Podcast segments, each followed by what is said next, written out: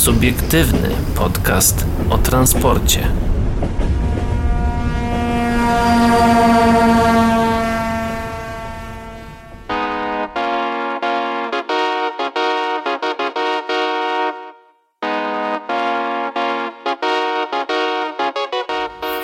Dobry wieczór, dzień dobry, dobranoc dla wszystkich, którzy nas dzisiaj słuchają. A witają się z wami. Paweł Gajos? Szymon Lech. Adrian Stefańczyk z tej strony. Słuchajcie, dzisiaj na szybko, szybki wstęp, szybkie przywitanie i szybki przegląd tematów. Feniksy w barwach kolei małopolskich wyruszą w trasę. Również Małopolska kupi 7 impulsów 2. Gdzie pojadą, tego dowiecie się za chwilę. No i współpraca z koleją, czy y, ona uratuje autobusy? PKS może stać się częścią PKP, ale wracamy jednak do tematów bardziej kolejowych Tak, a jeszcze- y, i jeszcze... Jeszcze ja chciałbym wrócić do tematu. Yy, Też kolejowego. Podziękować przede wszystkim za czujność. Yy, tak, pociąg yy, podczas remontu linii 133, 133, bo znowu powiem coś 133 głupiego. dokładnie. Pociąg y, objazdem, objeżdżając linię 133 z Krakowa do Katowic na pewno nie jedzie przez Poznań. Tak z, zerknęliśmy tym razem na mapę Polski. Nie wiem co ja powiedziałem, nie wiem dlaczego tak powiedziałem. I tak samo, no, zaokrąglając siódemkę, y, y, tak licząc w ogóle przejazd pomiędzy autostradą A4, E, I zaokrąglając- pomiędzy bramkami w Balicach a e, bramkami w Mysłowicach. t, y, i zaokrąglając bardzo, bardzo w dół, no to może by wyszło to 20 minut, ale tak... Chyba, że jedziesz 200 na godzinę. Nie no, jeżdżą, jadąc tak by przepisowo w sumie w miarę, więc no to wychodzi takie 30 minut, no jeszcze żeby tam jakoś dojechać, zjechać do centrum miasta, no to 30-40 Czyli minut. krótko mówiąc, to jest nasze sprostowanie do poprzedniego E, tak, odcinka. Tak. Żebyście I byli nie, wszyscy. Nie wiem dlaczego powiedziałem, że pociąg do Katowic jedzie przez Poznań, bo to jest głupie. Dlaczego ja to powiedziałem? Trójka nie, i ósemka wyglądają bardzo podobnie, a nasze zmęczone głowy, no niestety, postanowiły Tak. y, wytrasować ten pociąg w tak piękny sposób i jakże nieopłacalny, że Dlaczego- tak My się wam stało. się możemy przyznać, że nagrywamy. W tym momencie jest na naszym zegarze 21.46. Dlatego, no... Chyba na, na planista albo dyspozytora w Intercity byśmy się nie nadawali. Szczególnie będąc zmęczonymi. E, właśnie, czy to już wszystko w naszym sprostowaniu? Myślę, że chyba tak. Dokładnie. Czyli bardzo, przez- wstydzi, Właśnie, bardzo się wstydzimy, jest nam głupio, Tak, przepraszam. i dziękujemy rzeczywiście za sprostowanie i komentarz właśnie, żeby, żeby nie E, gadać tak. to był użytkownik z grupy Jak będzie w przedziale, prawda? Tak, w, i Dobra. kolejny raz pozdrawiam Pozdrawiamy grupę, jak będzie w przedziale, grupę, i jak będzie w obiecuję przedziale. Się, y, Doinformować pod względem Doin- geograficznym. tak, do, będę sobie po prostu wieczorem przez 5 minut patrzył się na mapę Polski. Będziesz po prostu sprawdzał informacje, które podajesz.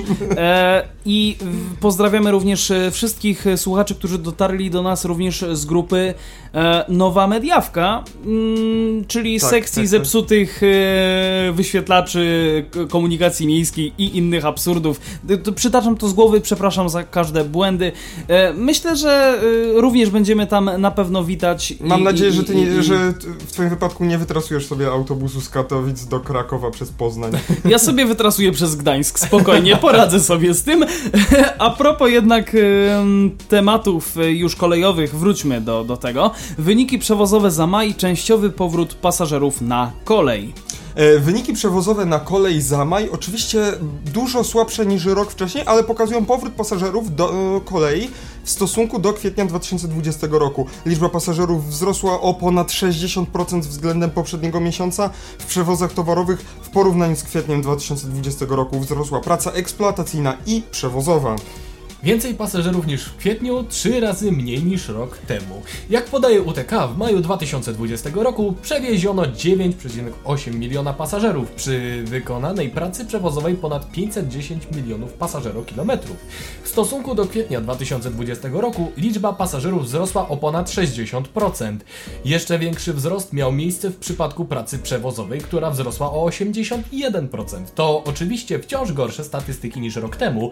W maju 2020 roku było to 27,7 miliona pasażerów, czyli prawie trzykrotnie E, więcej. Ja myślę, że tutaj jest błąd w artykule, bo rok temu e, maj był 2019. E, W Tak. maju 2019. Nawet 2019 roku, no właśnie. Dlatego godzina daje się nam. Tak, ale dobrze, dobrze, będziemy bardziej e, Czujni. czujni. i uważni. W pierwszych pięciu miesiącach roku podstawowe parametry przewozowe były niższe od analogicznego okresu roku ubiegłego.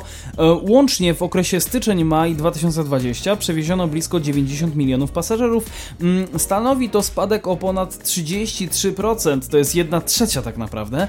E, Praca przewozowa w tym okresie wyniosła 5,2 miliarda pasażerokilometrów, mm, zaś e, praca eksploatacyjna 62 miliony pociągu-kilometrów.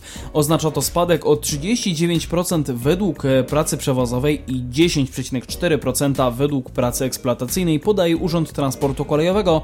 E, Ja tutaj spoglądam jeszcze niżej e, generalnie w, w ten artykuł. Nie wiem, czy jest sens jeszcze więcej tutaj mówić? Myślę, że chyba tak. Powiedzmy na pewno o przewozach towarowych.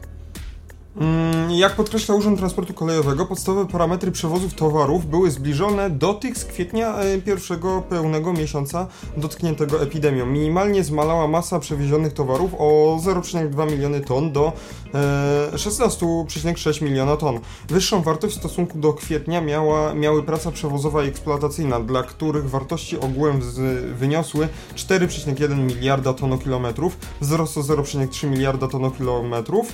E, To jest około 8% e, oraz 6,1 miliona ki- ton pociągokilometrów, wzrost o blisko pół miliona pociągokilometrów, czyli e, 6,5%. 8,5. E, 8,5%. 8,5. Tak, 8,5%. Nastąpił też znaczny wzrost średniej odległości transportu ładunków z 225 km w kwietniu do 247 km w maju.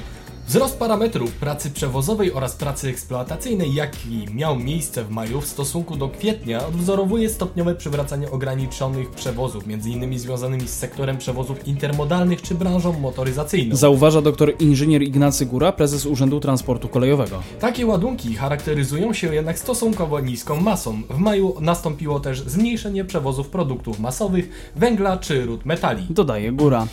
I w sumie wydaje mi się, że to jest Tak, wystarczające. e, no po, na pewno warto zaznaczyć, za, e, zaznaczyć to, że przewozy pasażerskie będą wzrastać chociażby dlatego, że już w pociągach nocnych będą kuszetki i wagony sypialne dołączane do tego. I też druga sprawa, że zaczęły się wakacje. Zaczęły się wakacje, Mhm. jest troszkę wzmocniony ten rozkład jazdy.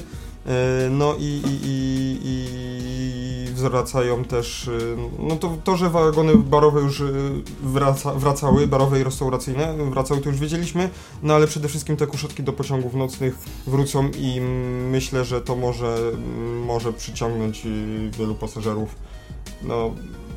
Spanie w ma- spanie w maskach, tak, versus właśnie. siedzenie w maskach w przedziale, Plus czy ewentualnie w y. Próbowanie po, pociąg z spać. Ukrainy do Krakowa Głównego wreszcie nie będzie tak okrojony na Tak. właśnie dwa wagony, jak to jest na przykład teraz. Dwa albo trzy nawet. Yy, przechodzimy dalej? Oczywiście. Przechodzimy Tak. dalej. Feniksy w barwach e, kolei małopolskich ruszają w trasę i widzę tutaj już rozgoryczenie, a wręcz żal na twarzy Pawła i Szymona. Powiem tak, yy, no przeczytajmy może najpierw. No Yy, dobra. tak. Dziś, czyli 1 lipca. To nie jest 1 kwietnia, to nie jest żart. To nie jest żart, to jest 1 lipca. Yy, no, a, yy, czyli wczoraj. Yy, W trasę wyruszą pociągi N57 Phoenix, które zostały wypożyczone przez yy, pól taborowy Polski Tabor Szynowy. Dostawca, polski tabor szynowy, został wybrany z tak zwanej wolnej ręki po dwóch przetargach nieograniczonych, do których nie zgłosiło się żadne przedsiębiorstwo. Przekazanie dwóch EN57 Phoenix odbyło się w ubiegłym tygodniu. Mam nadzieję, że to początek owocnej współpracy, skomentował na portalach społecznościowych nowy prezes PTS Radosław Pacewicz. Dziś przewoźnik poinformował o wyprawieniu w trasy Feniksów po raz pierwszy.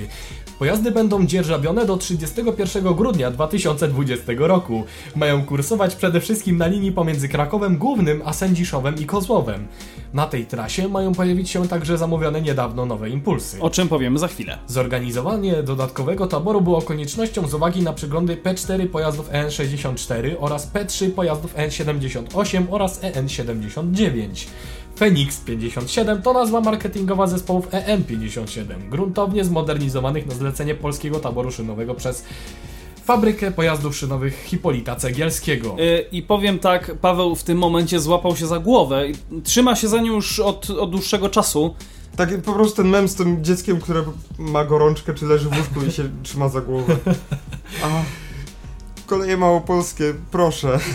No, Proszę. g- gustowna trumna na dachu oraz y, malowanie, no, takie, no, Znaczy, bardzo przystępne dla plus- nowocześniejszego taboru. no nie wyglądają w mojej opinii za, za dobrze właśnie na odświeżonych Znaczy, e, EN57. Możemy, na pewno jest to o wiele, wiele lepsza, e, lepsza sprawa niż klasyczne EN57, em, ale no... To jest nadal EN57, czyli ten wysoki peron, wysoki próg.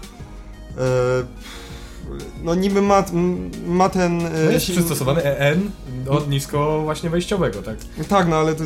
Ale to nie zmienia faktu, że i tak wygląda po prostu kuriozalnie w, w, w takim malowaniu i ogólnie w, w, tego, No. w tego typu przewozach i, i to w XXI wieku. Znaczy, to one, nie- puszczanie takich, jest mnie, takich pojazdów jest mniejszym e, masochizmem chyba niż e, puszczanie N57 w dzisiejszych czasach takich klasycznych. Tych oryginalnych. E, tych oryginalnych. Oryginalnych. oryginalnych e, no co prawda na pewno na plus tu jest to, że nie ma tego rozruchu oporowego, tylko już jest ten ro- rozruch impulsowy i, i się będzie przyjemniej jeździć. Klimatyzacja raczej jest i, i no, i jest tutaj na pokładzie. Jest już tak nowocześnie, ale jednak, jednak to jest No, wózki po- powiew- N57 z tego co mi się wydaje takiego. klasyczne. E, Wiecie, Nie, ja, ja nie powiem wiem. tak, ze swojego punktu widzenia, no ja rozumiem, że jeśli coś działa, to po co to zmieniać, ale no czasy też się zmieniają, więc przydałoby się te wagony w końcu zmienić, nie modernizować, tylko po prostu zmienić. E, Tak mi się wydaje. E, tutaj jest e, krótki komentarz o tym, e, jak one powstały i, i opinia na nich. E, Szymon? Feniksy, przy, e, Fe- Feniksy przypominają pociągi, które przewozy regionalne. Tak, składy, które, przewo- pre- które przewozy regionalne już otrzymały po modernizacji w 2015 roku. Mają jednak nieco inne czoła, identyczne z tymi, które niegdyś e, TS Opole zaproponował PKP SKM Trójmiasto, ale finalnie dostarczył tylko jedną sztukę. Wnętrze wydaje się e, bardziej dopieszczone i wykonane z solidnych materiałów. Poprawione by zostało usprężynowienie jednostek e, oraz ich wyciszenie, co ma przełożyć się na komfort, na wzrost komfortu podróży. Dobre wrażenie robią nieco ascetyczne, ale bardzo czytelne systemy informacji pasażerskiej. Inaczej niż w poprzednich modernizacjach rozwiązano prowadzenie e, kanałów klimatyzacji i ogrzewania, co ma przełożyć się na wyższy komfort termiczny. Jak informuje producent, prototyp Fenixa przejechał bezawaryjnie ponad 4000 km, a jego eksploatacja pomiędzy remontami generalnymi zakłada przebieg na poziomie około 3,5 miliona kilometrów. E, zakładam, powinno być dopisane, ile już ile Rolex Facerlero zostało popodkładanych. tak w komentarzach. Nie, możemy jeszcze przeglądać szybko zdjęcia. No, zdjęcia, No. jest rampa dla osób, z, no, e, dla osób e, niepełnosprawnych. Wygląda to jak e, impuls po prostu. Jest, są te w ogóle przedziały takie bardziej otwarte, nie tak, zam, tak pozamykane w N57 klasycznych. Jest więcej miejsca na pewno. E, No i zmodernizowana k- kabina maszynisty Tak, właśnie, tak, o, toalet- ale toalety, no powiem zu, zupełnie jak w impulsie. znaczy, tak, Znaczy, ta, zupełnie... ta, ta toaleta wygląda trochę jakbym sobie tak w domu mógł pieprznąć new taką, design, przepraszam. Tak, Tak, y, ona wygląda bardzo Tylko brakuje prysznica, w to tych, jest w tych y, impulsowych. Ona jest duża ze względu na to, że jest No tak, dla osób niepełnosprawnych. E, no, o co świadczy chociażby ta porę- poręcz tutaj, tutaj ta kolejna poręcz. E, ale trzeba wziąć pod uwagę, że to jest zdjęcie zrobione obiektywem szerokokątnym, bo chyba zwykłym aparatem nie objąłbyś tak tej toalety. Więc trochę to Ale jest tak wydaje mi się, że bardzo podobna, Podoba mi się ta e, izolatka. podobna e, toaleta była chyba w... E, żebym teraz nie skłamał, w, w tych wagonach dla kolei mazowieckich, co były na Trako. bardzo możliwe, bardzo możliwe też jest to, że... Albo w wiesz, nowej hybrydzie nowy od ogólno e, przyjęty Nevagu. standard, tak? Bo Tak, No te tak, toalety muszą spełniać, spełniać y, pewne standardy, te y, interoperacyjności Znaczy, przede żeby po prostu się wygodniej robiło kupę. Przepraszam. Tutaj, tutaj jest y, y, E, tak po, jakby- poziom flash, y, rolling joke paprykarza dalej. Tak, dokładnie. To cały czas się za nami ciągnie jak ten smród, także... Ja nie, no, no dobrze, no musi być po Mam prostu nadzieję, że e, e, podparta właśnie ta decyzja na, na Jeszcze temat... e, mam nadzieję, że smród o, o przejeździe pociągu z Krakowa do Katowic przez Poznań nie będzie się tak długo za nami ciągał. Też mam taką nadzieję. Powiem tak, no lepszy rydz niż nic. Podczas tego, kiedy koleje małopolskie oddają te pociągi na y, te swoje pesy na naprawy P4, na ten przeglądy. swój tabor. ten swój tabor. Em, I to wynajęcie będzie do końca tego roku tylko. No ale jednak Ma w nazwie to A ja- N57. A ja bądź co bądź czekam właśnie, aż właśnie... yy, Co prawda malowanie Właśnie jest w tym fajne. malowaniu kolei małopolskiej w końcu zawita ten LN57 w Zakopanym w momencie, kiedy przemianują właśnie trumny nad dachem maszynisty na na przykład przewóz nart Oj, tak, tak, tak. Ta trumna od kamery. I, i snowboardu. i snowboardów, Ta tak? trumna od klimatyzacji nad kabiną Jest maszysty. po prostu... Powinien kierownik pociągu na jakieś drabince podchodzić i narty pasażerów pakować tam. Czyje do- te czerwone? A moje, moje. A pa, pan poda jeszcze te. Albo, tak, poda. albo tak jak na lotnisku kody QR po prostu metką przyklejać. Pip! Nie, ale podoba mi się to, że y, żeby spełniało to te y, przepisy intero, interoperacyjności europejskiej, gdzie drzwi powinny być kolorem wyróżniającym się, wyróżniają się i to dobrze wygląda, bo czasami to jest tak z, sklejone, że te wyróżniające się drzwi nie wyglądają tak dobrze. I widać właśnie, że y, ten skład y, nie należy do PC Master Race, bo ma tylko 57 FPS. Tutaj tak. Tak, tak, tak. Brawo. Więc Brawo. Do, do stabilnych Brawo. 60 brakuje tylko trzech klatek, no to jeszcze trzeba popracować. No dobra, no jest taki- to jest taki wydaje, parafilmowy piękne, dość- piękne, piękne podsumowanie I tego piękne tematu. przejście właśnie do polskiego Pendolino. No tak, że tutaj znów- Pendolino jest e, prawdziwym PC Master Race, bo ma aż 250... Ede. ED, ED No. 250, tak. Znów na testach w Czechach.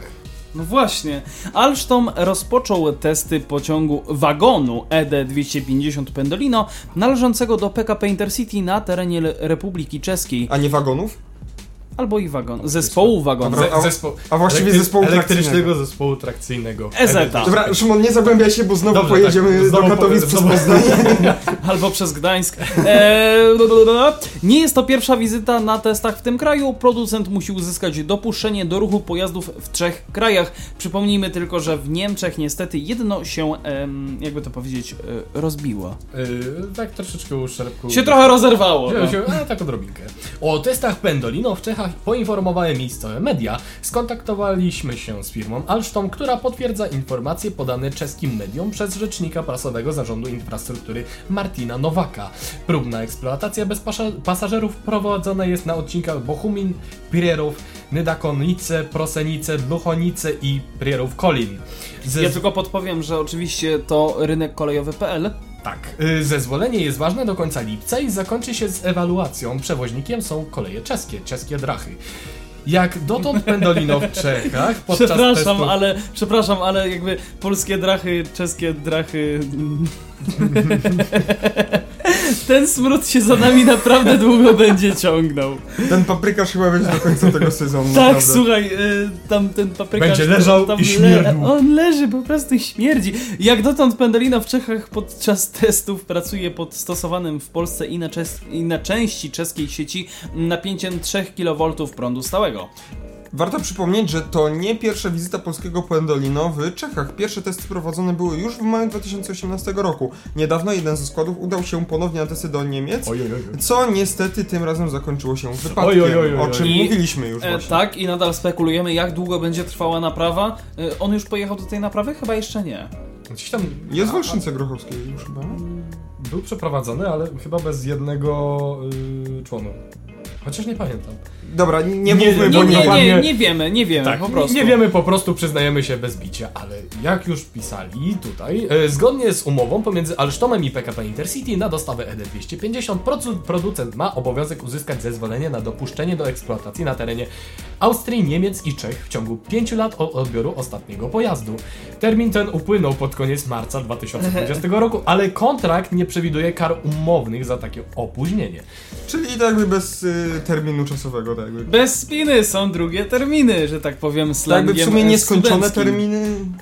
No. No, Ter- terminy zróbcie to, zróbcie to, ale nie róbcie. Jak chcecie, to nie róbcie. Małopolska kupuje 7 impulsów 2, to takie nawiązanie do poprzedniego tematu. Tak, i Pojadą pojadą także z Krakowa do Katowic. Tym razem mam nadzieję, że 20 minut. Albo chociaż Chociaż Dajmy chociaż- im chociaż to 20 minut 25. krócej. 25, o, albo 20 minut krócej. Newak zbuduje dla województwa małopolskiego 7 nowych, czteroczłonowych elektrycznych zespołów trakcyjnych Impuls 2. Przedmiotem umowy jest również kompleksowa o usługa serwisowo-utrzymaniowo-naprawcza pojazdów przez okres 5 lat. Zakup nowych składów umożliwi uzupełnienie obecnej floty pojazdów, co zwiększy komfort podróżowania i umożliwi rozwój oferty przewozowej w zakresie nowych połączeń. A także zapewni bezpieczną rezerwę taboru na czas prowadzenia napraw. Kładziemy bardzo duży nacisk na wzrost znaczenia transportu kolejowego w komunikacji publicznej i niezmiernie cieszy nas fakt, że sukcesywnie przybywa pasażerów w naszych pociągach. Podkreśla marszałek Witold Kozłowski. Województwo obecnie posiada 29 elektrycznych zespołów trakcyjnych przeznaczonych do obsługi połączeń aglomeracyjnych na trasach szybkiej kolei aglomeracyjnej oraz do obsługi połączeń lokalnych, np. Kraków-Nowy Sącz. Budowane te są też e, są również parkingi P-R tym razem. Minus R. Park e, No nie Ride. jedź. Park No Ride. E, chodzi oczywiście o P plus R. E, przy stacjach stacjach kolejowych mające ułatwić pasażerom komunikacji, e, kolejową, e, komunikacji kolejową, e, kolejowej swobodną przesiadkę z auta do pociągu. Tworzymy warunki do efektywnych, przyjaznych, e, przyjaznych ekolog- ekologicznych i zintegrowanych systemów transportu miejskiego w regionie. Dodaje wicemarszałek Łukasz Smułka. Dostarczyliśmy już 19 pojazdów dla województwa małopolskiego. Warto tutaj zaznaczyć, że setny impuls wyprodukowany w 2017 roku w Nowym Sączu został dostarczony właśnie do kolei małopolskich i istnieje duża szansa, że dwusetny w przyszłym roku również zostanie przekazany w te same ręce. Pojazdy te są już wszystkim doskonale znane. Są to pojazdy niezawodne, wyprodukowane w Małopolsce oraz zaprojektowane przez inżynierów, którzy w większości kształcili się również w Małopolsce. Powiedział Zbigniew Konieczek, prezes Newagu. Wykonawca w ramach umowy musi zapewnić także licencję na oprogramowanie i dokumentację techniczną, przeszkolenie pracowników, operatora oraz gwarancję. Pierwsze dwa pociągi mają zostać dostarczone w terminie do 16 miesięcy od zawarcia umowy, natomiast odbiór ostatniego pociągu ma nastąpić do 22 miesięcy. Elektryczny zespół trakcyjny Impuls 2 wyróżnia się funkcjonalnością oraz zastosowaniem zaawansowanych rozwiązań konstrukcyjnych. Projektując skład, konstruktorzy szczególną uwagę zwrócili na bezpieczeństwo. Kabina maszynisty podporządkowana została w 100% ergonomii pracy. Specjalnie zaprojektowany pulpit rozbudowany dookoła fotela maszynisty pozwala na dostrzeżenie obiektów znajdujących się w bliskiej odległości od czoła pociągu. Ja myślę, że ten fragment tutaj możemy już ominąć i przejść dalej, bo najważniejsze jest to, że w pierwszej kolejności nowo zakupiony tabor zostanie skierowany do świadczenia usług przewozowych na trasie SKA2, e, łączących Skawinę z Krakowem Głównym i Sędziszowem, a także SKA3, czyli Kraków Główny Tarnów, e, obsługiwane przez koleje małopolskie oraz e, dla połączenia Kraków Główny Katowice, gdzie będzie jeździć Polregio. Mm, Nie wyklucza się także, że zostanie on użyty na innych trasach szybkiej kolei aglomeracyjnej w obszarze aglomeracji miejskiej e, lub miejskich oraz poza nimi, czyli SKA1, Wieliczka, Rynek Kopalnia, Kraków Główny, Kraków Lotnisko, jak również trasach, które mogą e, powstać w przyszłości jako rozwój oferty pociągów szybkiej kolei aglomeracyjnej mm, i tras komplementarnych do SKA, w szczególności do Chrzanowa, Oświęcimia, Wadowic czy Zakopanego.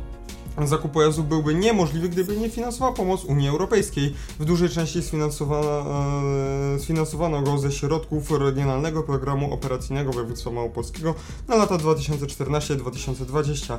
E, wartość zamówienia to ponad 245 milionów złotych z uwzględnieniem prawa opcji do zakupu dwóch dodatkowych pociągów i części zamiennych. No, części zamienne to też e, dosyć ciekawy gral, e, znaczy gr- gra, gratka, taka ciekawa gratka. E, w tym momencie będziemy kończyć już to nasze wejście. E, Szymon, e, jaki utwór dzisiaj przygotować dla naszych słuchaczy? A dzisiaj Kiss Detroit Rock City. Dokładnie, ale e, po utworze udało nam się, słuchajcie, skontaktować się z panią Joanną Pażniewską, która jest e, mm, rzecznikiem prasowym firmy Arriva. E, To jest firma, e, która jest przewoźnikiem, e, równie, jednym z wielu przewoźników autobusowych w Warszawie. Mm, I e, dla tej firmy pracował e, już były na szczęście kierowca autobusu, który spowodował wypadek w, dokładnie tydzień temu, w czwartek, w ubiegły czwartek, na trasie S8, a konkretnie na moście Grota Roweckiego w Warszawie. Więcej szczegółów i informacji, które nam przekazała pani Joanna już po utworze, a dla e, użytkowników podcastów e, bezpośrednio po e, emisji jingla.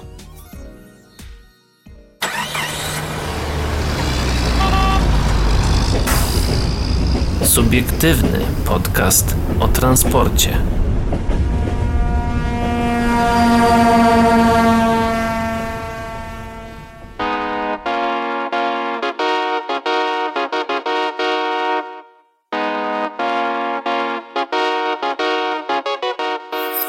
Z nami na antenie już jest pani Joanna Pażniewska, rzecznik prasowy firmy Arriva. Dzień dobry Państwu. Dobry wieczór. E, tak jak już e, uprzedziłem wcześniej, e, to będzie taka krótka rozmowa na temat właśnie tego wypadku, który wydarzył się dokładnie tydzień temu. Jak w skrócie tak naprawdę doszło do tego wypadku? Ile osób zostało poszkodowanych? To za każdym razem nas, że tak powiem, dręczy.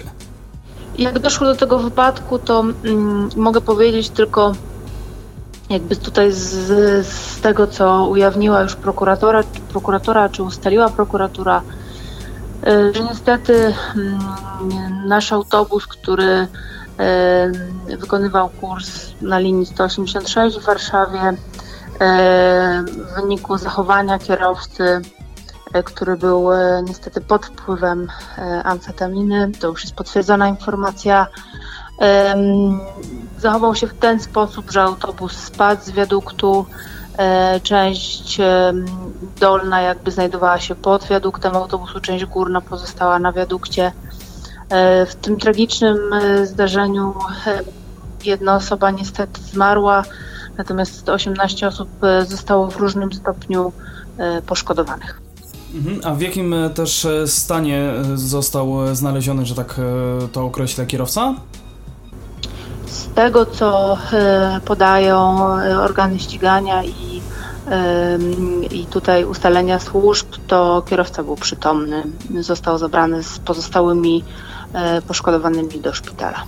No właśnie, a propos, też, a propos też samej osoby kierowcy, jakie konsekwencje ze strony pracodawcy, a także ze strony prawnej, który prowadził pojazd w stanie po użyciu takich środków odurzających grożą tak naprawdę?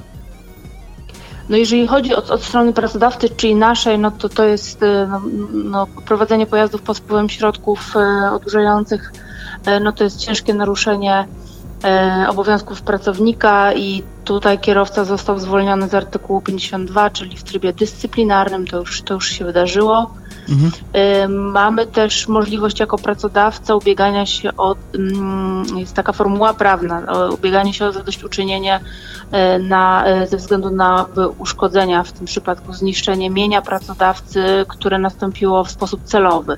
Mhm. E, no, zażycie narkotyku traktowane jest przez pracodawcę jako sposób celowy. Tutaj też mamy taką możliwość. Jeżeli chodzi o tą stronę prawną, czyli konsekwencje karne dla dla kierowcy, to tutaj prokuratura postawiła już kierowcy zarzut spowodowania katastrofy w ruchu lądowym oraz posiadania narkotyków. E, to grozi 15, 15, 15 lat więzienia za, za, za takie zarzuty, więc ten zarzut już jest postawiony kierowcy.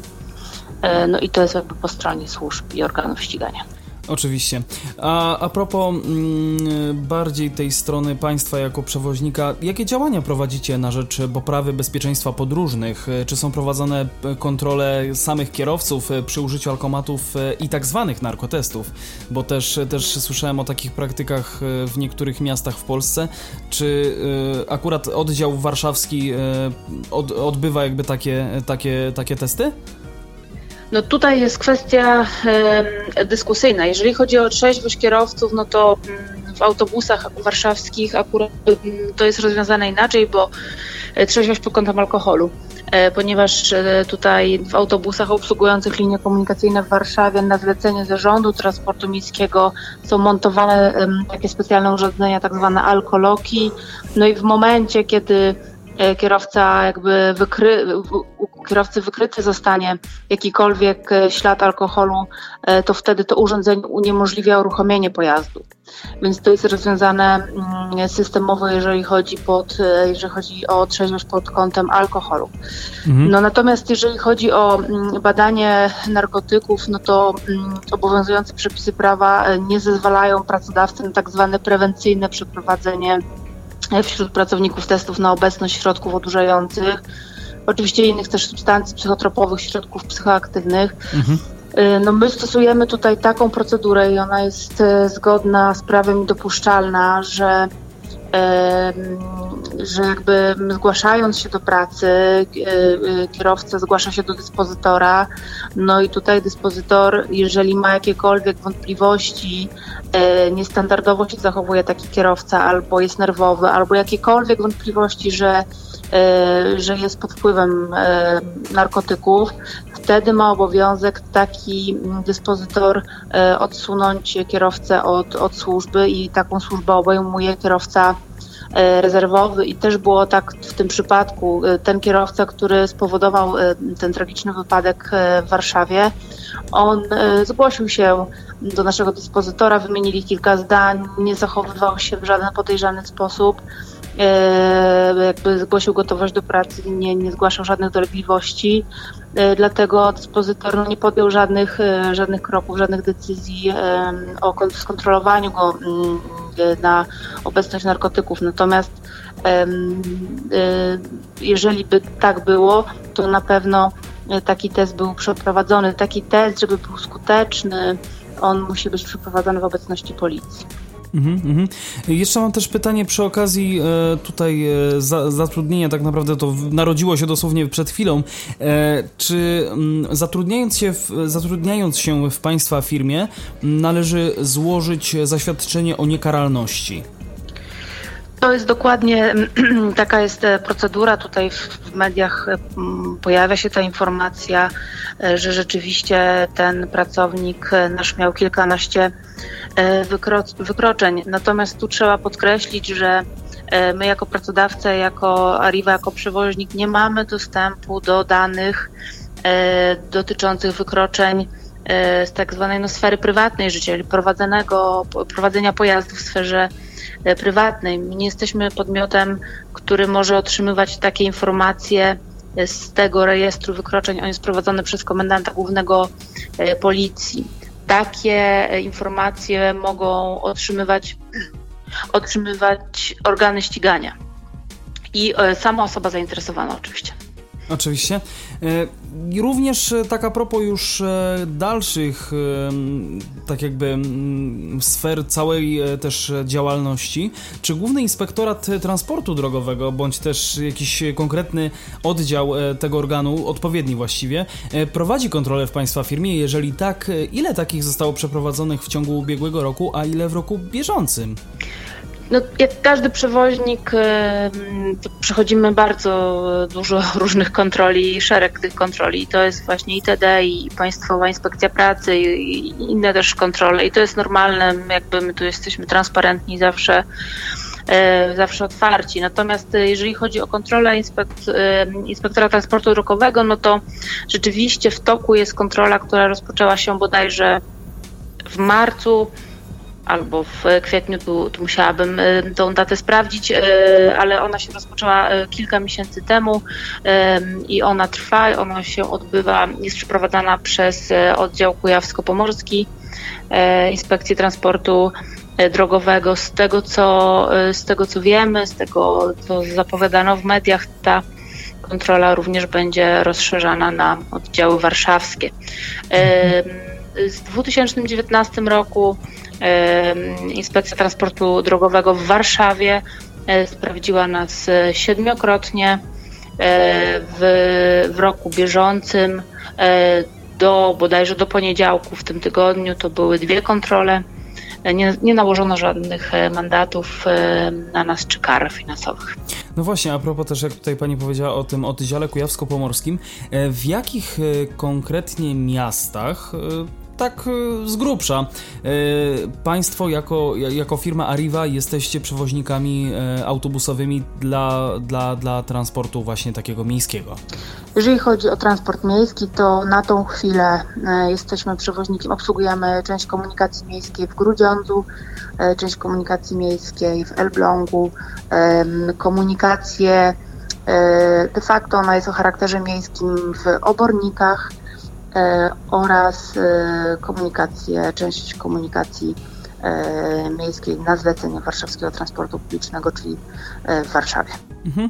No właśnie, no i też tutaj e, przechodzimy do takiego ostatniego pytania, które zostało dla, tutaj przez nas e, do Pani e, przygotowane, e, bo mm, w sieci generalnie coraz częściej e, czyta się takie komentarze, które sugerują, e, albo wręcz które mówią wprost, że mm, osoby, które je piszą tak naprawdę, mają obiekcje co do mm, korzystania z transportu publicznego patrząc przez pryzmat tego wypadku. Czy y, firma Arriva jako, jako właśnie taki przewoźnik y, będzie próbowała i jeżeli tak, to w jaki sposób y, odbudować swoje zaufanie do, do podróżnych? No zdecydowanie to dla nas ta cała sytuacja i ten cały tragiczny wypadek to jest szok. My naprawdę jako część grupy międzynarodowej, która działa w 14 krajach, mamy bardzo wysokie standardy utrzymania bezpieczeństwa. Em, Mamy, e, jeżeli chodzi nawet e, o flotę czy o procedury wewnętrzne i dokładamy wszelkich starań, żeby, żeby to bezpieczeństwo mm, jakby w, naj, w najbardziej możliwym, maksymalnym zakresie zapewnić i naszym pracownikom i pasażerom. Natomiast ten tragiczny wypadek pokazuje, że e, muszą być e, zmienione, jak my widzimy konieczność zmian w prawie, e, zarówno w zakresie właśnie dostępu przewoźników do danych w zakresie prowadzenia pojazdu i tych popełnionych wykroczeń drogowych przez kandydatów na stanowisko e, pracy kierowcy w życiu prywatnym. Oczywiście też widzimy konieczność uregulowania kwestii kontroli na, na obecność narkotyków. Te wszystkie tematy e, albo już podnieśliśmy, albo zaraz będziemy podnosić wspólnie z branżą komunikacji miejskiej, generalnie szeroko transportowej e, i, i, zapewnić jakby tutaj tą maksymalną ochronę, e, którą może zrobić, e, którą może zapewnić przewoźnik dla pasażerów.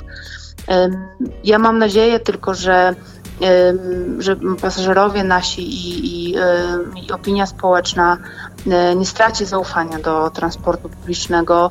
To był tragiczny wypadek.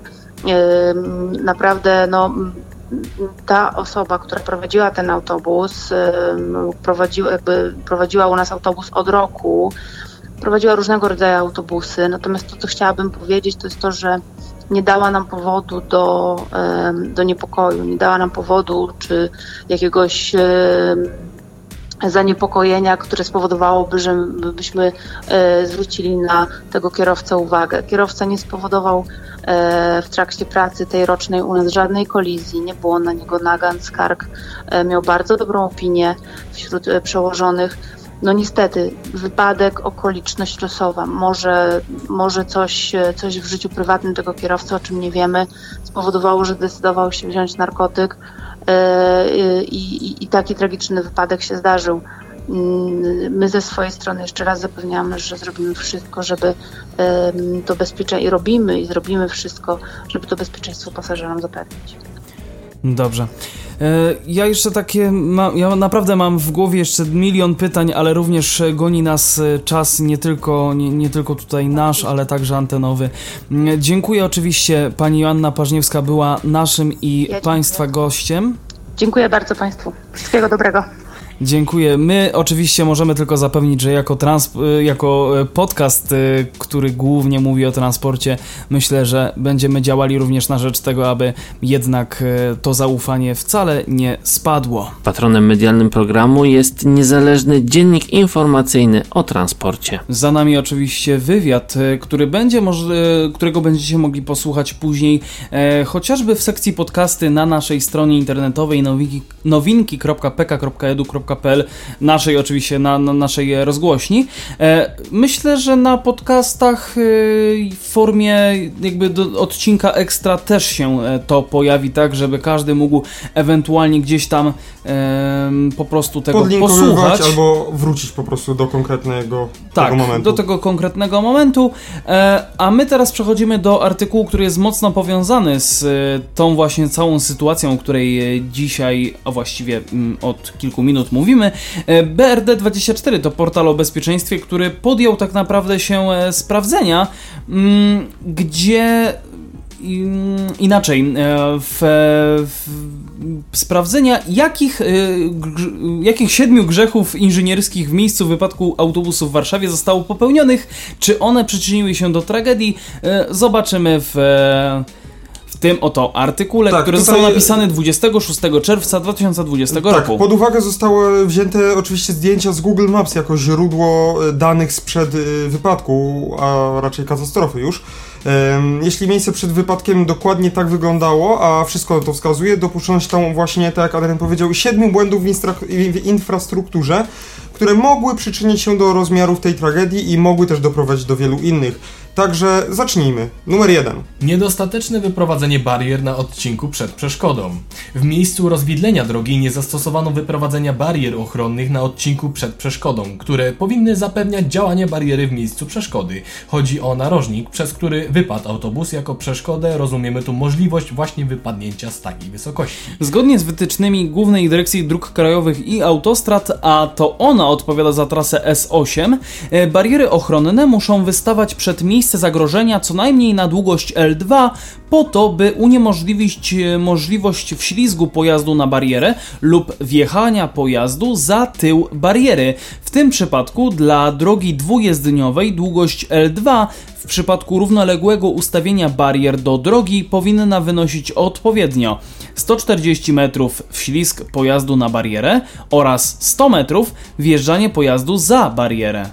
Mm, W tych samych wytycznych wynika, że gdy nie występuje zagrożenie w śl- w ślizgu na barierę, wyprowadzenie może być krótsze i mieć długość 40 metrów.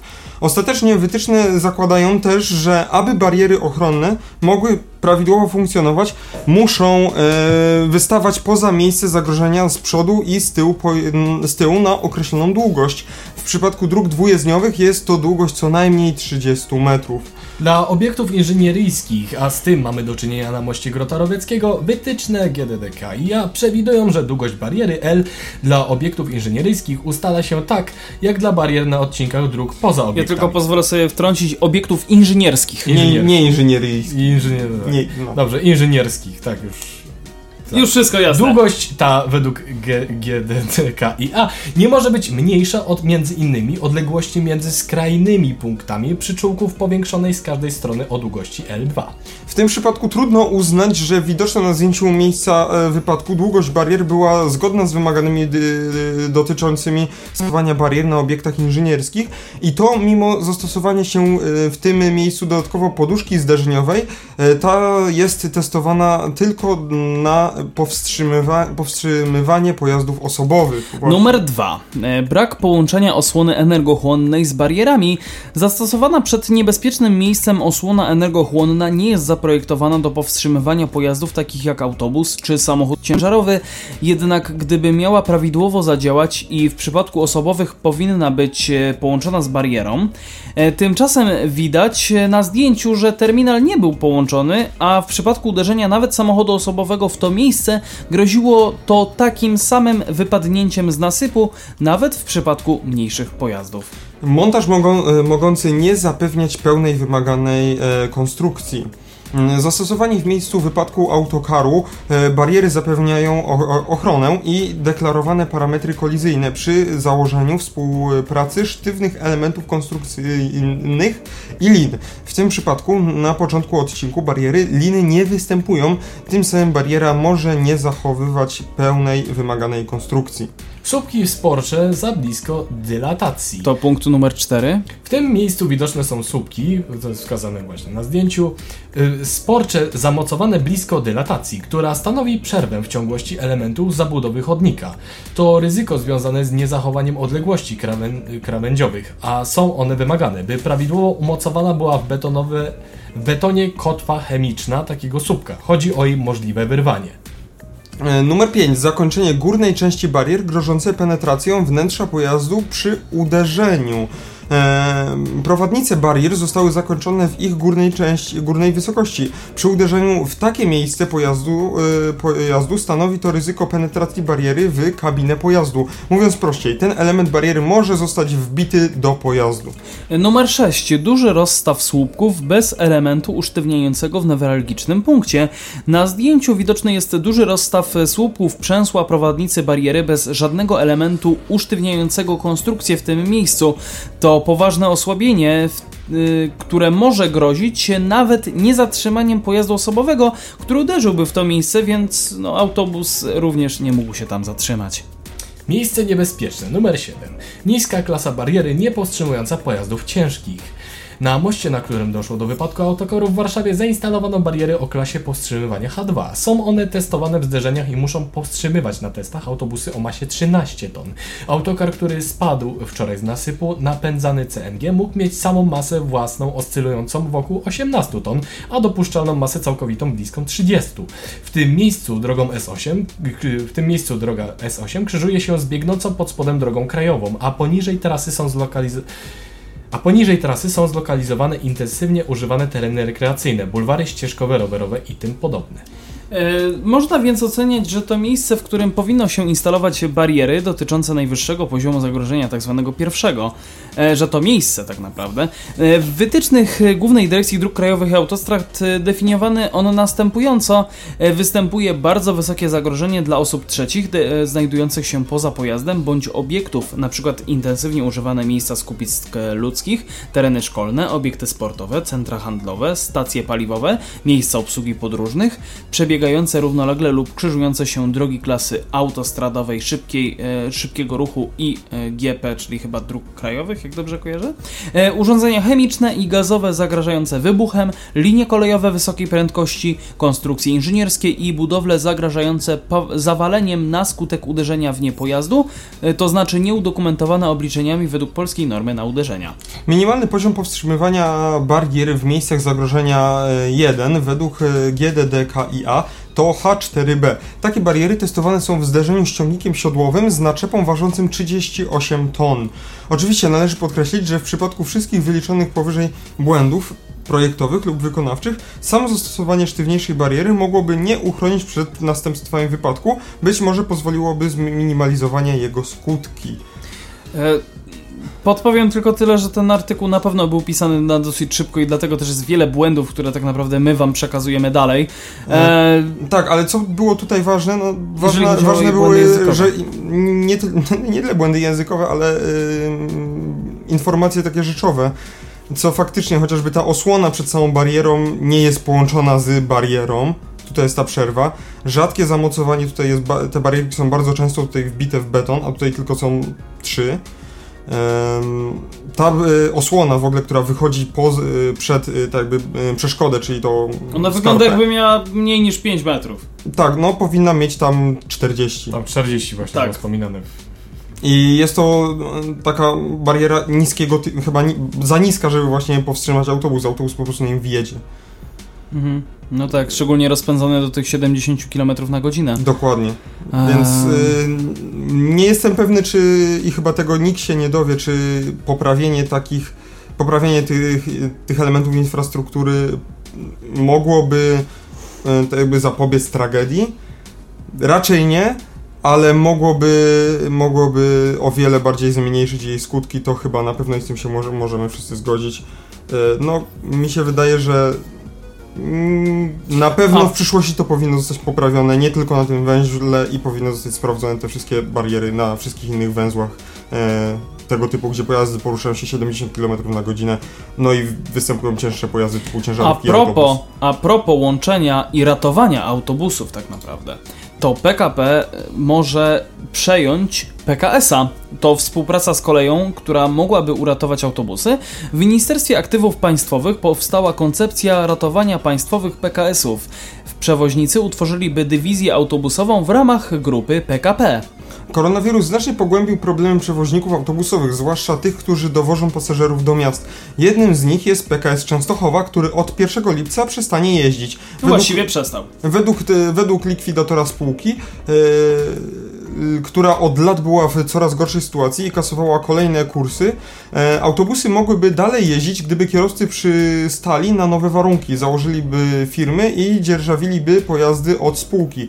Ich zarobek zależałby m.in. od liczby sprzedawanych biletów. Pracownicy nie chcą się na to zgodzić.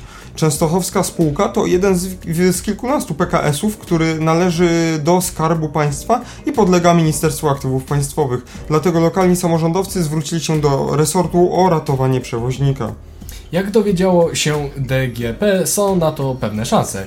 Powstaje właśnie koncepcja, która ma pomóc ostatnim państwowym PKS-om, w tym przewoźnikowi z Częstochowy. Ja tylko podpowiem, DGP to Dziennik Gazeta Prawna. Dziennik Gazeta, prawda? Yy, pomysł w skrócie polega na integracji kilkunastu przewoźników, którzy stworzyliby grupę spółek przewozowych.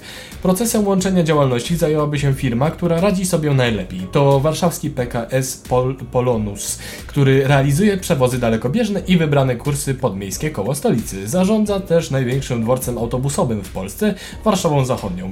Państwowe spółki autobusowe weszłyby też w ścisłą współpracę z PKP. Jestem zwolennikiem zintegrowania spółek PKS-owych pod przewodnictwem Polonusa i stworzenia dywizji autobusowej, która działałaby we współpracy lub w ramach grupy PKP, mówi e, dziennik Gazeta Prawna e, wiceminister aktywów państwowych Janusz Kowalski. Autorzy koncepcji liczą się liczą na synergię państwowych spółek w obszarze transportu. Autobusy pełniłyby m.in. funkcję dowozową do dworców PKP PKP w poszczególnych miastach. Dla pasażerów atrakcyjny miałby być m.in.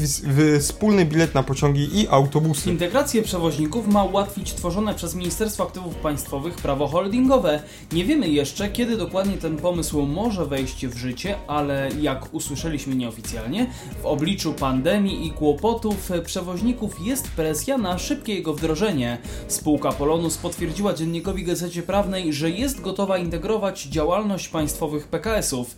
Będąc narodowym przewoźnikiem autokarowym, jesteśmy otwarci na współpracę ze wszelkimi podmiotami należącymi do Skarbu Państwa, budując kompleksowy łańcuch, a co za tym idzie, wartość rynkową tych podmiotów, mówi prezes Polonusa Maciej Acedański. Roli integratora ma sprzyjać m.in. posiadane zaplecze IT, a także istniejąca platforma www.dworzeczonline.pl, która sprzedaje bilety wielu przewoźników. Państwowe PKS-y działają już jednak tylko w wybranych rejonach. Oprócz warszawskiego, Polonusa i upadającej spółki w Częstochowie do Skarbu Państwa należą jeszcze firmy przewozowe m.in. we Wrocławiu, Polbus, Ostrowcu Świętokrzyskim, Ostrowie Wielkopolskim.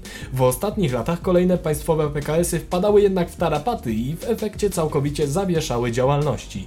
W latach 2018-2019 tak zrobił PKS Gniezno i PKS A wcześniej PKS Katowice. Jednocześnie od zeszłego roku rząd próbuje ożywić pozamiejską komunikację dzięki tzw. Tak funduszowi autobusowemu. O dotacje do przewozów mogą występować samorządy, ale jak dotąd idzie to opornie. Mimo, że tegoroczna kwota dofinansowania wynosi 800 milionów złotych, to w pierwszym naborze wpłynęły wnioski na łączną kwotę wynoszącą zaledwie 59 milionów złotych. W maju ogłoszono drugi nabór, w którym Ministerstwo Infrastruktury zdecydowało się podnieść dopłatę do kilometra przejechanego przez autobus, czyli tzw. Tak wozokilometra, ze złotówki do 3 złotych. To miało zmobilizować samorządy i zamortyzować kłopoty związane z epidemią COVID-19. Według ekspertów podejście wielu samorządów różni się między sobą diametralnie. Jednym y, nie zależy, żeby uruchamiać jakikolwiek transport publiczny dla mieszkańców, inni jednak starają się przy ograniczonych środkach zrobić co się da, by utrzymać przewozy i uruchamiać nowe trasy. E, według Marcina Gromackiego z Public Transport Consulting dobrym pomysłem jest łączenie sił przez samorządy, w tym też przez jednostki różnych szczebli. Taki owoc, w, owoc takiej współpracy już za kilka dni zobaczą mieszkańcy okolic Warszawy Starosta powiatu grodzkiego porozumiał się Grodzickiego. z Grodzickiego porozumiał się z gminą i miastem Grodzisk Mazowiecki oraz z gminą Żabina Wola, Żabia Wola. Żabia Wola, przepraszam, i uruchamia 26 linii. Pomysł na stworzenie tej sieci miał e, się narodzić 25 maja, na 4 dni przed końcem drugiego naboru z funduszu autobusowego. W efekcie udało się zdobyć rekordowe w skali kraju dofinansowanie w wysokości prawie 4 milionów złotych. Co ciekawe, porozumieli się tu samorządowcy z różnych op opcji politycznych. Oprócz mieszkańców zyska operator mający siedzibę w powiecie grodziskim, a także lokalna firma, w której produkuje się autobusy. To ona dostarczy nowe pojazdy, które wyj- wyjadą na trasy. Wygranymi y, są też samorządy, które na dobrą komunikację wydadzą mniej ze swoich budżetów, mówi Gromacki. Dodaje jednak, że przywracaniu połączeń autobusowych będzie sprzyjać utrzymywanie w przyszłym i kolejnych latach wyższej dotacji rządowej do wozokilometra. Ehm, stawka w wysokości 3 zł obowiązuje tylko do końca roku, ale resort infrastruktury nie wykluczył utrzymania tego poziomu. Ja myślę, że 3 zł za wozokilometr Dopłaty. dopłaty A było jest- wcześniej złotóweczka. a wcześniej była złotóweczka, to i tak jest dosyć dużo. To jest dość dużo.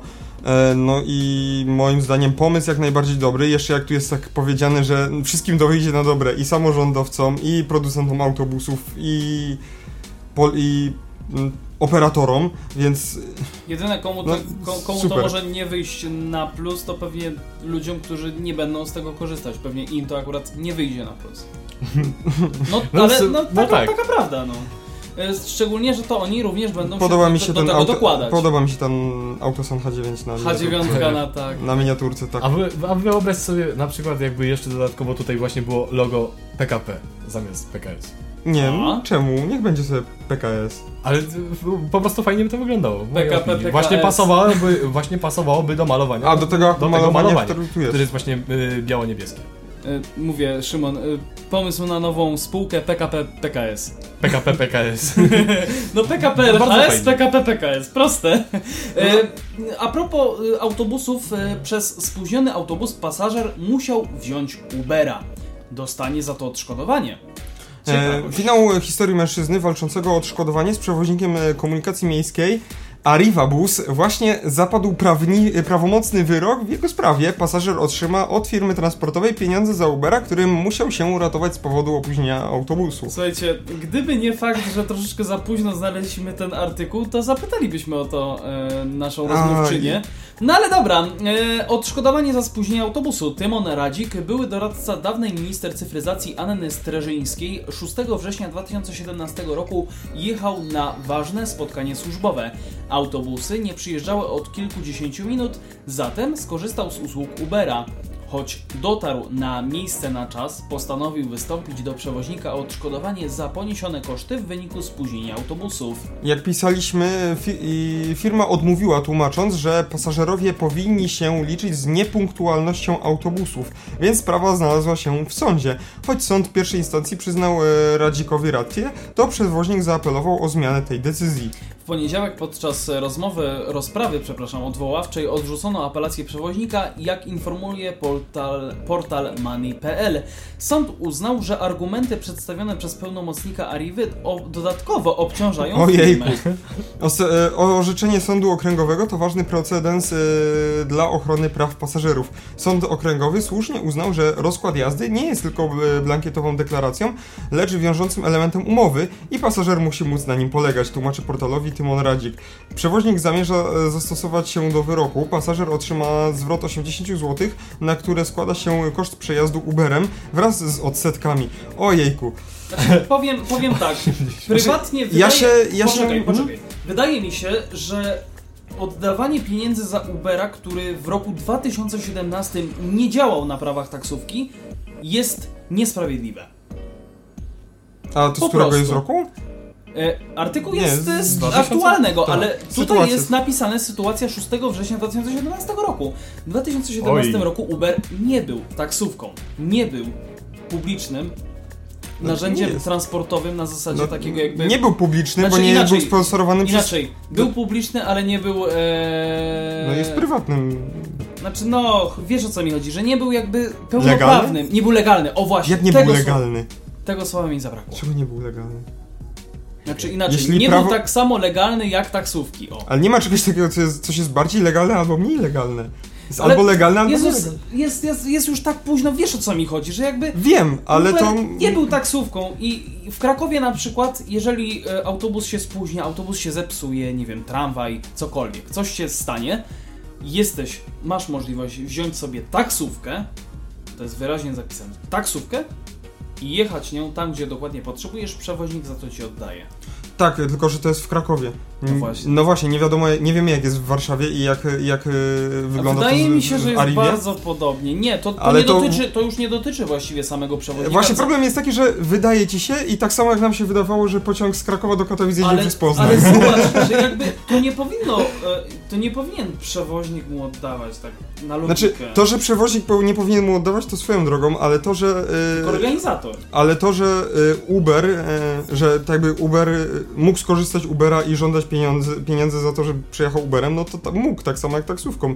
To, że Uber nie był do końca legalny, no to jest moim zdaniem trochę głupi argument. Jeśli nie łamał prawa, to znaczy, że był legalny. No, Znaczy, dopiero ja, później zmienili prawo po to, żeby była wymagana licencja taksówkarska od kierowców i tak dalej. Ale Więc, usługa została wykonana. Więc... ale no, więc moim zdaniem Uber działał jak najbardziej legalnie w 2017 roku i trochę się z tobą nie zgadzam. Ale co do przyznawania pieniędzy e, od Arrivy, zależy, powinien, e, powinien złożyć sprawę do sądu organizatorowi transportu i No. później ewentualnie organizator transportu powinien rozliczać się z Arrivą, czy to opóźnienie wynikało z, e, z przyczyn Arrivy. I też właśnie nie jest tutaj podniesione, czy to było z przyczyn e, Losowych, losowych, e, w sensie Typu korek? drogowych, tak, Mhm. czyli korek za, albo zator, e, czy też jakieś tam inne sytuacje na drodze, powiedzmy, nie wiem, autobus się zepsuł, tak? Jeśli autobus się zepsuł, to Arriva wtedy powinna mu okej. oddać, tak. Tak, to wtedy Arriva powinna mu oddać. Nie jest tu niestety to przytoczone i Czy też ja się- szkoda, też szkoda, Szkoda, tego że, tutaj nie szkoda, ma. że tu jest mało, mamy inf, mało informacji e, na ten temat. E, jeśli chodzi o, jeśli byłoby to spowodowane korkiem, no to jak najbardziej miasto też powinno oddać, no bo to jakby to jest już w gestii miasta, że ma korki na mieście. Jeżeli to, to było w Warszawie, tak? Tak. Tak, i- E, To WTP powinno się tym zająć. Tak, i tak jakby jeśli. WTP deklaruje, że w takim czasie będą jeździć autobusy, to powinno się tego trzymać. I faktycznie, i tak jakby dostosować ten rozkład jazdy do korków, które są na mieście. Ale umówmy się, że żaden z organizatorów transportu w tym momencie tego nie robi, bo jakby to się trochę nie opłaca. Wpisują trasę w Google Maps i sobie tak liczą. No tak, e, ale Tym Google Maps się nie bierze opłaca, pod uwagę bo potem trzeba się korki, no. no, Znaczy, łamać po sądach Tak, i e, co do, wydawać 80 co do oddawania tych pieniędzy, e, to, że Arriva się od, odwoływała, moim zdaniem nie wynikało z tego, że szkoda im było tych 80 zł, tylko dlatego, że jeśli, przyzna, jeśli sąd przyznałby rację temu pasażerowi, to znaczy, że każdy, komu spóźni się autobus, mo, może żądać odszkodowania od, e, przewozi, od przewoźnika. Co, Coś w tym co jest. w wielu, znaczy co w niektórych przypadkach nie musi być zawsze uzasadnione. Dokładnie. Bo I tak bardziej jak o to o, chodziło. tych korkach i tak dalej. I moim no zdaniem więc- chodzi o to, że po prostu Arriva bałaby się tego, że kolejni, e, kolejni inne osoby by e, przyszły o odszkodowanie, bo coś tam. Po, po obudziłyby się A nie oszukujmy się, Janusze a nie oszukujmy się, autobusy spóźniają się nagminnie i, i, I nic z tym nie i bierzemy, zrobimy. bierzemy e, pod uwagę Nawet, oczywiście... nawet jeżeli wypuścimy z Oczywiście siebie spóźnienie e, pięciominutowe, paprykarz czy coś takiego, nawet takie malutkie. nawet jeżeli wypuścimy z siebie paprykarz szczeciński, to nic się nie zmieni. Kijem Wisły nie cofniemy. Słuchajcie, my musimy kończyć, ja już tutaj muszę za zamknąć Tak, i pamiętajcie, dyskusję. Pociągi do Katowic Krakowa nie jeżdżą przez Poznań. I do Katowic nie dojedziecie w 20 minut, tylko w trochę więcej. Chyba, że jedziecie 200 na godzinę, czyli nielegalnie. Tak, albo wybudują już Hyperloop pomiędzy Krakowem i, i, i Katowicami. To wtedy też nie pojedziecie już na- 20 minut. To wtedy pojedziecie Szybciej. 5. Znaczy nie, w 20 minut by się, jakby on faktycznie działał Chyba, tak, że miał działać, Hyperloopie puszczą N57 Małopolski Feniks. Feniks! jako wsparcie dla kolei regionalnych.